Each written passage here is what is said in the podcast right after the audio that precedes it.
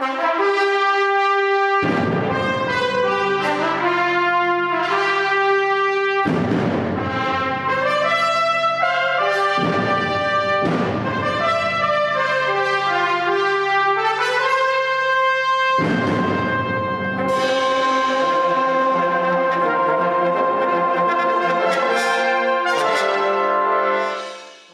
مركز سياتل للمهرجانات. مهرجان الفنون والموسيقى السنوي في مدينة سياتل. ده اللي كان مكتوب على اليافطة الكبيرة بمدخل المركز الخاص بمدينة سياتل. أنجيلا باسكوم كانت رايحة تتفرج على الفرقة المفضلة عندها وسألت عليها بنت متطوعة لطيفة في مدخل المهرجان. قالت لها أيوة هم فعلا هتلاقيهم في بار الكانتينا هتمشي يمين كده وهتتبعي العلامات هتوصلي عند المكان اللي هم بيغنوا فيه بالظبط.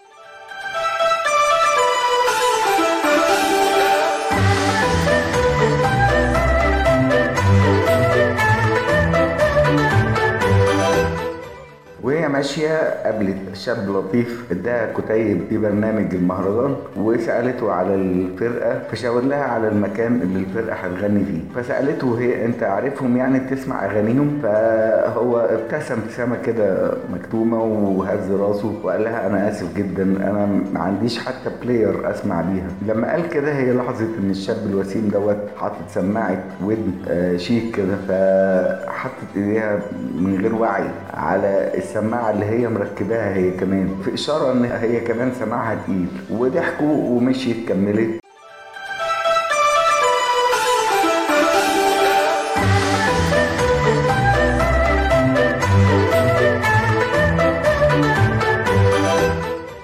هي سافرت بالطيارة مخصوص عشان تحضر المهرجان ده على أمل إنها تسترجع الشغف القديم اللي طول عمرها وهي في شبابها يعني كانت بتحس بيه لما تسمع الموسيقى والفرق الشعبية بالذات.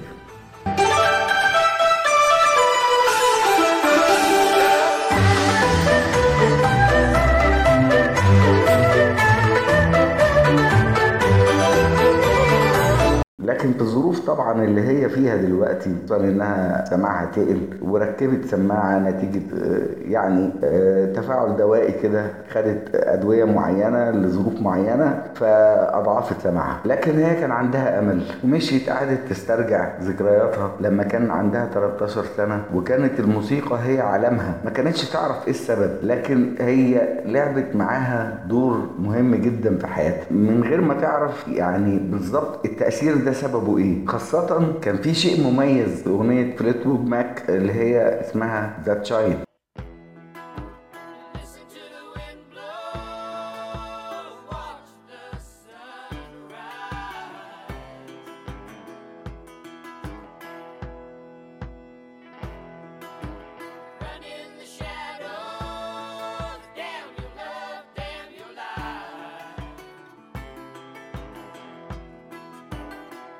شيء كان بيخاطب روحها وكان بيحركها. وبعديها على طول اتفاجئت بعائلة جيبسون أو فريق جيبسون وده كان فريق فنون شعبية من فرق الشوارع اللي هي بتعرض في الشوارع بتعرض في الأماكن العامة يعني كده هو مقابل أي أي تبرعات أو أموال يعني يقدموها الناس. أموال بقى ممكن آه، أكل ممكن أي حاجة يعني. لكن دي كانت فرق منتشرة وهي ما زالت منتشرة في كتير جدا من دول العالم.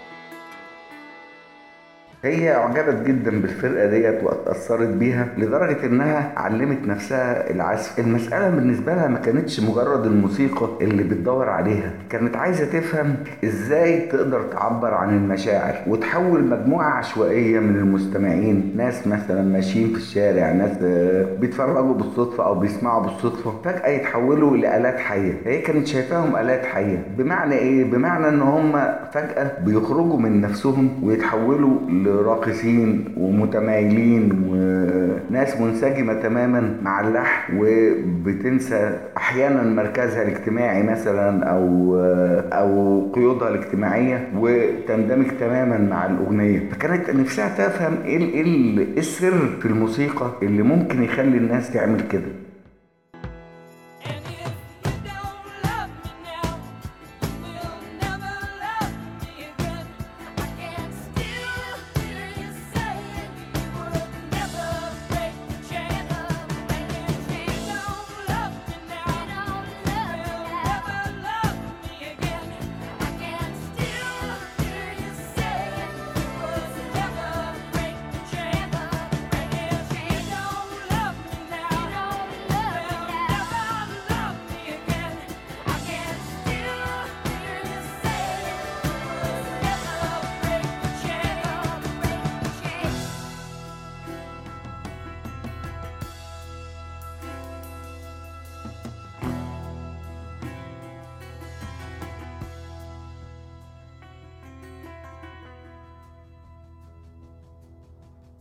كانت دايما تقول إن ده ممكن واحد بس يعمله. يعني عازف على أورج على جيتار على أي آلة. لكن دايما هو جهد تعاوني. لما بيبقى أوركسترا أو فريق أو حتى يعني فريق صغير فرقة صغيرة النتيجة بتبقى أعمق وأطول تأثير. والناس بتتجاوب معاها بشكل أسرع وأكثر وضوحا يعني.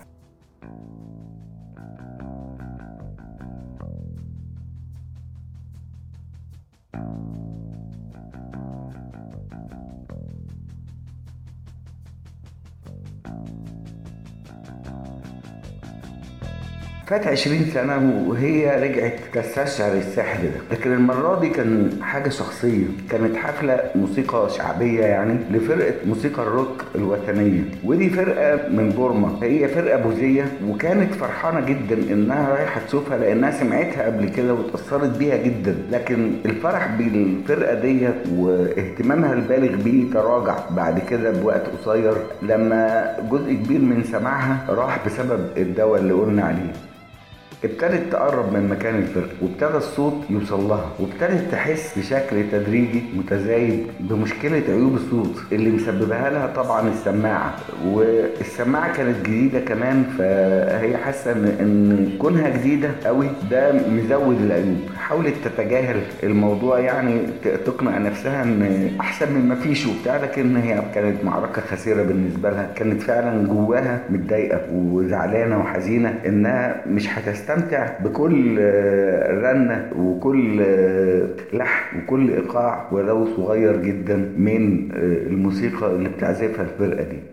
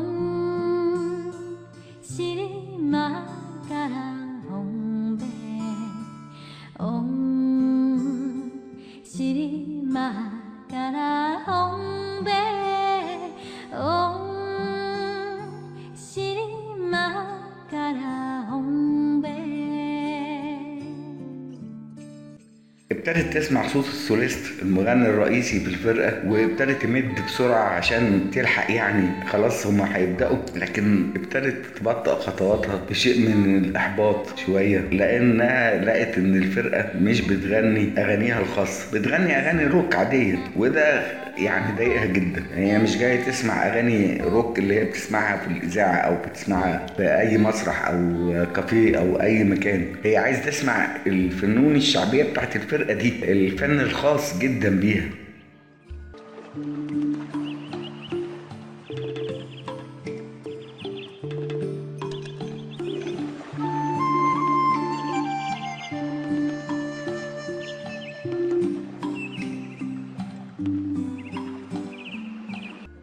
وقعدت بحزن.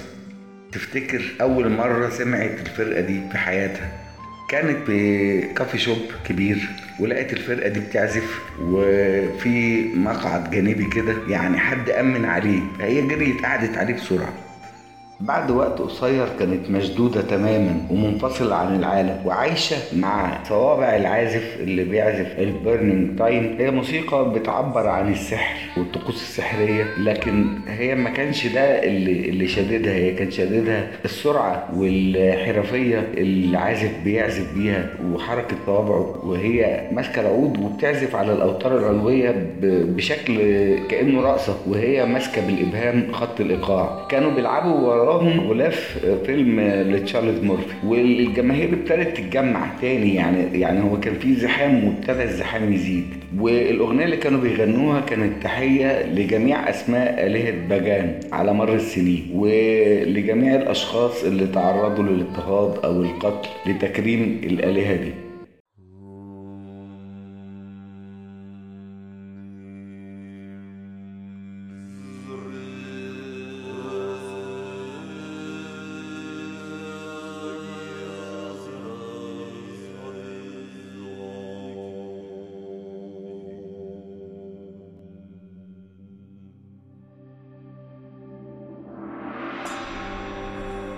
أنجيلا ما كانتش متدينة أو كانت لا دينية بمعنى أصح. هي مؤمنة بوجود إله لكن سايبة كل الأديان تقريبا والدين اللي نشأت فيه الدين التقليدي اللي هي طلعت فيه في وسط عيلتها. وهي عاملة علاقة خاصة جدا بينها وبين الإله المعبود اللي هي حاساه بوجدانها ابتسمت وهي بتفتكر جملة قالها العازف دوت بهزار يعني. كان بيقول إن كتير قوي من نغماتهم هي في الواقع غسالة أطباق رئيس الفرقة. وبيقول إن هو غالبا بيألفها في المطبخ. لكن هي ما كانتش ده مهتمة بيه. هي كانت مفتونة تماما بالتناغم بين الكمان والناي والمندولين والعود ومهتمة بمصدر الإيقاع وإزاي بيعلى ويوطب بشكل فعلا في سحر.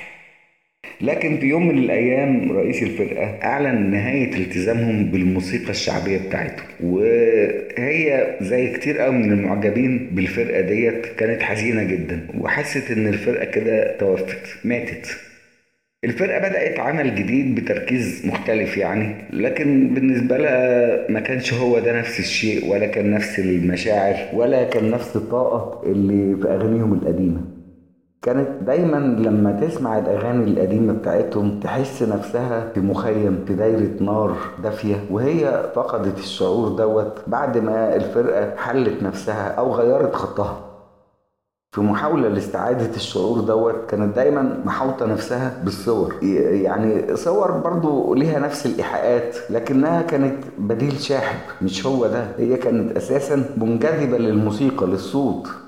زي العادة بعد ما رئيس الفرقة انتهى من الأغنية الافتتاحية ابتدى ينده للناس يحضروا كمان كمان وبعدين بدأ في نغمة المفاجأة إنها كانت من أغانيهم القديمة.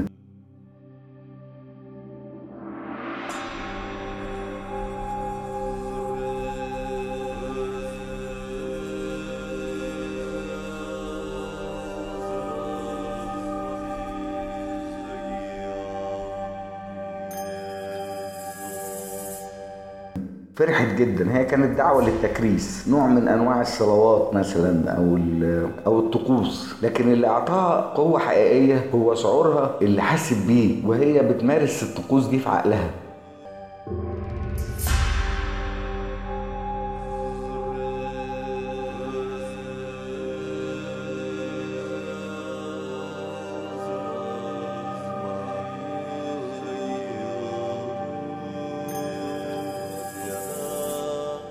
وابتدى صوت يعلى في وجدانها في ليلة داخلية هي حساها مليانة بالنجوم تخيلت نفسها في غابة والقمر طالع في شبه مخيم مع وجوه مألوفة ليها بيلفوا حوالين نار وهي بتقفز وتميل مع الموسيقى وترقص معاها وابتدت تحس إن مشاكلها تلاشت وتحولت لذرات في نسيم دافي ابتدت تحس إنها بتقرأ تعويذة عميقة من داخل داخل روحها حست إنها عايزة تقوم تندمج وتتوحد مع الناس اللي في خيالها دول.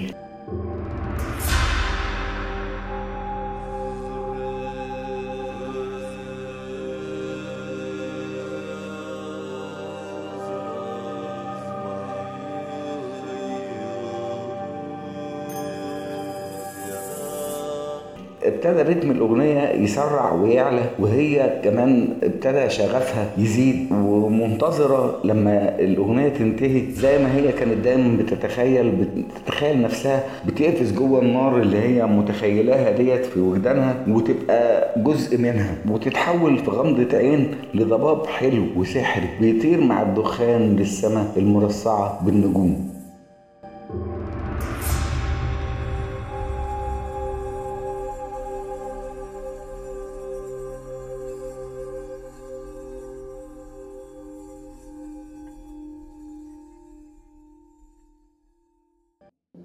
قبل ما توصل لنهاية الأغنية وتوصل لقمة شغفها حصل شيء كسر كل ده. انكسرت التعويذة. اختفت من مركز انتباهها النغمات النقية للعود. فجأة كده اللعنة قالتها بانزعاج وهي بتفتح عينيها وتبص حواليها.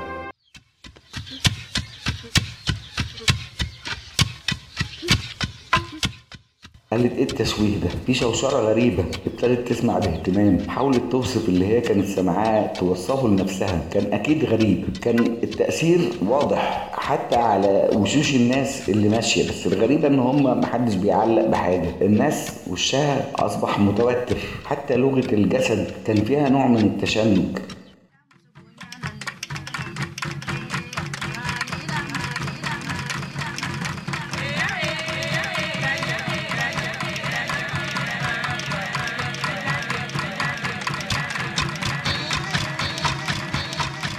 الوقت دوت كانت الفرقة بتعزف أصوات سريعة على العود والطبول والكمان سريع جدا. هي لاحظت إن لا الفرقة مش بتعزف العزف بتاعها الطبيعي الفرقة بتعزف بعصبية. في شيء من التشنج في العزف في شيء من التوتر. بعد شوية الإحساس ده راح وبعدين رجع وبعدين راح وبعدين رجع في فترات قصيرة جدا.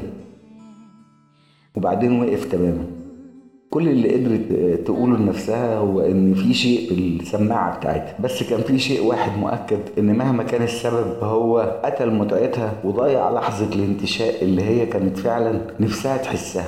الفرقة خدت استراحة وهي خدت نفس عميق وخرجت تتمشى في أرض المهرجان بين الحدائق يعني والممرات اللي بره. لكن وهي ماشية بدأ نفس الصوت الغامض جدا ده اللي غير مميز بدأ مرة تانية. بس المرة دي كان أقوى.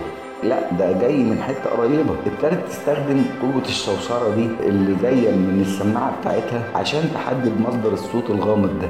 في كل مرة كان الصوت بيخفت بعدين يبتدي يزن كده.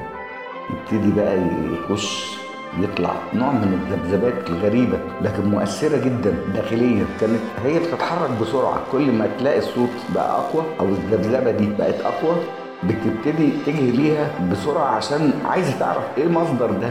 وهي فوق ممشى من الأعشاب بينحدر شوية شوية منحدر كده بيودي ناحية أكشاك الطعام والكافيتريات الصغيرة اللي بتبيع أكلات يعني. في نص المنحدر ده شافت اتنين واقفين في المنتصف وحواليهم على مسافات مختلفة عدد من الناس والعمال والمشاة رواد المهرجان واقفين شبه متجمدين بحذر وبيترقبوا اللي بيحصل من غير ما حد منهم يحاول يتحرك أو يتدخل. الراجل القصير من الاتنين اللي كانوا واقفين دول كان شايل حاجة زي القرن كده في إيده اليمين وزي ما يكون بيحاول يعني يخبيه ورا ظهره. وهو بيبص للراجل التاني. الراجل التاني رفع صباعه كأنه بيوجه اتهام وبعد كده قبض إيديه وهزها. فهي حست إن هو في تهديد قربت بسرعة فلقيته بيقول اسمع يا بيرت أنا اتفقت معاك إنك تعلم ابني إزاي يلعب على البجل مش هو ده كان الاتفاق؟ لكن أنت أخدته وقعدت تلعب في دماغه وغسلت له دماغه. رد الراجل التاني قال له اسمه كورنيه أنا ما كنتش بعلمه على البجل أنا كنت بعلمه على الكورنيه الاتنين الحقيقة آلات نفخ شبه البوك كده مع اختلافات بسيطة بينهم لكن هو الكورنيه أسهل من البجل في الأداء يعني سهل جدا.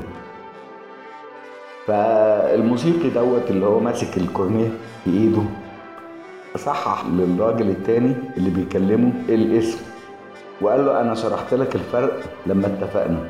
وبعدين خد نفس. وضيق عينيه وابتدى يرفع صوته شوية وقال له وغسيل مخ إيه؟ خزعبلات إيه؟ أنت بتتكلم في إيه بالظبط؟ الراجل التاني هز راسه قال له ابنه اتغير. الله يلعنك انت غيرت قبل ما يعرفك كان عايز يخش الجيش ويتطوع ويتطوع بالذات في سلاح الإشارة. دلوقتي كل اللي هو عايز يعمله في حياته إنه يقعد يعزف على الموسيقى الجاز الغريبة الفظيعة اللي انت علمتها له دي. ويا ريتها موسيقى حلوة.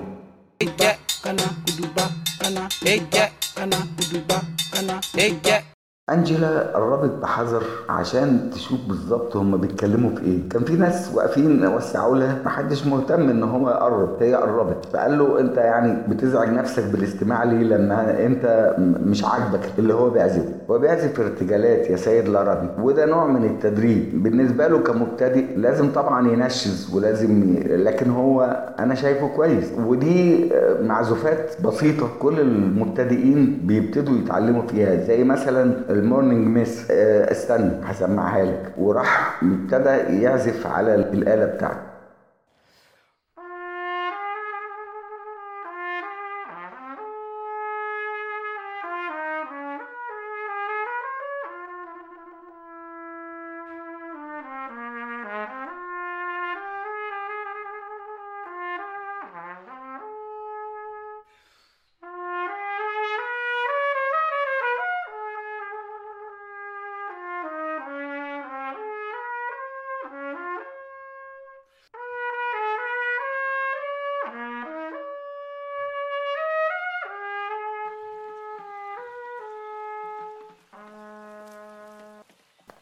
جملة أو جملتين موسيقيين المسألة مش فارقة موسيقى عادية يعني.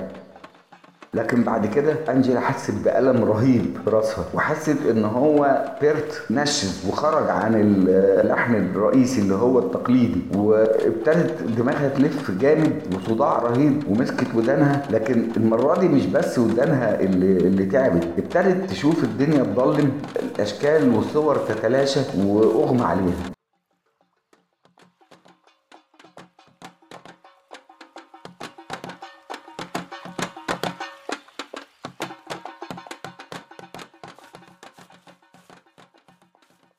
بعد شوية لما ابتدت تفوق شافت الاربي الراجل اللي كان زعلان عشان ابنه ماسك الآلة النحاسية دي وقاعد يزعق لبيرت ويقول له شايف شايف؟ أهو أنا قلت لك بص الضوضاء اللي بتعملوها دي خطيرة. بيرت سحب الكورنيت من إيد الاربي ومشي ناحية أنجيلا. لما وصل لها كان في مسؤول من المسؤولين عن المهرجان قال له أنا آسف يا سيدي لكن أنا بطلب منك المغادرة حالا. ابتدت أنجيلا تسترد أنفاسها شوية شوية وتوعى للي بيحصل. في ضابط جه عند بيرت وقال له سيدي المحترم هو شاور على الاربي قدم لنا شكوى ضدك وأنا مش بعتقلك يا سيد لكن أنا عايز أتكلم معاكم أنتوا الاتنين عشان نوصل لحل نوصل لأصل المشكلة دي ونحاول نحلها. بدل ما يحصل تصعيد ملوش لازمة يعني. بيرت عض شفته وابتدى يبص لانجيلا وبعدين راح مديها الكورنيه حطه في إيديها ومشي مع الظابط. أنجيلا واقفة مذهولة مش عارفة هو إيه اللي بيحصل وشايفاهم ماشيين والكورنيت في إيدها ومش فاهمة وديها لها ليه. في الوقت ده كان الناس ابتدوا ينصرفوا وسابوها وحيدة على المنحدر ده. لكن هي فضلت واقفة محتارة. وابتدت تبص على الكورنيت ده وابتدت تحسس على غلفة الصمامات بتاعته. حست كأن حروفها فيها حفر لولبي. شيء يشبه الدوامة كده. في تأثير قوس قزح. وعرفت إن هو مش مصنوع من نحاس لأ. حست إن في نسيج دقيق جدا. نوع من التأثير اللي, اللي لما تلمسه تحس بارتياح. مع إن السطح المنقوش معقد جدا. بيرت قالت هو في الآخر كورنيت. بوق آلة نحاسية المفروض إنها آلة نحاسية. صحيح مش مصنوعة من نحاس لكن هي بتقوم بنفس الوظيفة. لكن هي قالت لأ. في حاجة أكتر من كده وأبعد من كده. صحيح بيرت قال إنها مجرد آلة نحاسية بوق يعني. أو زي ما بيسميها كورنيت. لكن هي اشتبهت في وجود حاجة أكتر من كده أبعد من كده وأعمق من كده. مش مسألة مجرد آه، آلة موسيقية. وبعدين افتكرت إيه الألم اللي هي حست بيه لما لعب بيها أول مرة وتاني مرة لما أغمى عليها. في حاجة في حاجة مش طبيعية في حاجة لازم تعرفها. وهي بتفكر حست بالجوع لأنها كانت خلاص مشيت بقى ونزلت المنحدر ومشيت في وسط أكشاك الطعام. فطبعا هي جاعت يعني ده الطبيعي. اشترت ساندوتش وراحت قعدت على كرسي كده في الحديقة المقابلة للكشك وقعدت تستريح وتحاول تاكل. قبل ما تخلص في واحد راجل كده معدي شايل برضو حاجة كده ساندوتش أو فطيرة. أه بس وقف وبص على على الآلة اللي جنبها. وبعدين قال لها ده عمل غريب جدا. كورنيت مش كده؟ هزت راسها باستغراب كده. الراجل يعني عرفه على طول ونطق اسمه صح. وبعدين قالت له هو مش بتاعي يعني بس صاحبه العازف اللي كان بيعزف بيه فوقف كده باستغراب وقال لها إزاي اداهولك؟ وبعدين كان بيكلم نفسه أكتر ما بيكلمها يعني. يعني كأنه بيكلم نفسه أكتر ما بيكلمها. فبيقول الآلة دي خاصة بالشكل الغريب ده حاجة شخصية جدا. مهما كان إزاي يعمل كده؟ فانجلا هزت فقالت له معرفش كل اللي أعرفه هو إن ودني بتوجعني قوي لما يلعب بيها. الراجل قرب من الكرسي وقعد ركع قدامه وشاور على الآلة دي بإيده اليمين فإيده ارتعشت شوية وبعدين مسكها وقال لها طيب عندك مانع إن أنا يعني أفحصها شوية؟ قالت له لا على الإطلاق آه، أنت بتلعب يعني بتعزف؟ فقال لها أنا متعود عليها. لف الساندوتش اللي معاه كويس وحطه على الكرسي جنبها ومسح إيديه بمنديل ورفع الآلة النحاسية دي بحرص شديد. وصوابعه كانت بترفرف كده بشكل عشوائي فوق الصمامات بتاعه الآلة. وبيحكي لها بيقول لها أنا يعني كنت بعزف بس إيدي تعب بقالها مدة مش ثابتة. يعني مش ثابتة بما يكفي إن أنا أعرف أعزف بقى. يعني برضه نفس الأيام ديت باستخدام ال keyboard وبعض البرامج ال editing اللي على الكمبيوتر يعني. خد نفس وابتدى في عزف وانجيلا خافت كانت متوقعة هزة كانت متوقعة ألم تاني أو حاجة زي كده. بس ما حصلش حاجة. الراجل وقف عن العزف وبص للآلة مرة تانية وقال لها في تفسير للي أنت بتقوليه. فقالت له اشرح في إيه؟ لها مفاتيح الآلة ديت معمولة بمهارة شديدة لكن بالتأكيد مش بالمقاس المظبوط مش غريبة إنه عايز يحتفظ بيها. قالت وهي بتاخد منه الآلة تاني. آه، يمكن ده صحيح لكن أنا ما حسيتش بأي حاجة لما أنت لعبت بيها دلوقتي. في حاجة غريبة بتحصل يا هو قال لها بنوع من الارتياب كده زي إيه؟ شالت الشنطة على ظهرها وقالت له ده اللي أنا عايز اكتشفه استمتع بالمهرجان. أو هي ماشية الراجل شاور لها كده بيحاول يستمهلها. فقالت له في حاجة تاني؟ قال لها بالراحة كده يعني أعتقد أعتقد إن أنا يعني عايز انضم لك في الموضوع ده. أنا أنا مستغرب ومندهش وعندي حب استطلاع رهيب. عايز أعرف ليه اللاعب ده ساب معاك الآلة بتاعته؟ حتى لو هي مش كاملة حتى من واقع خبرتي يعني هي فعلا فيها حاجة ناقصة. بس غالبا الأشياء اللي مش كاملة في الحياة فيها معنى أكبر. ممكن يعني ممكن أصحابك ممكن أبقى معاكي؟ قالت له أنا ما عنديش مانع بس إذا كنا هنقضي شوية وقت سوا فعلى الأقل أعرف اسمك. هز راسه بسعادة وابتسم وقال لها طبعا بالتأكيد أنا إيسان وأنتي؟ قالت له أنا انجيلا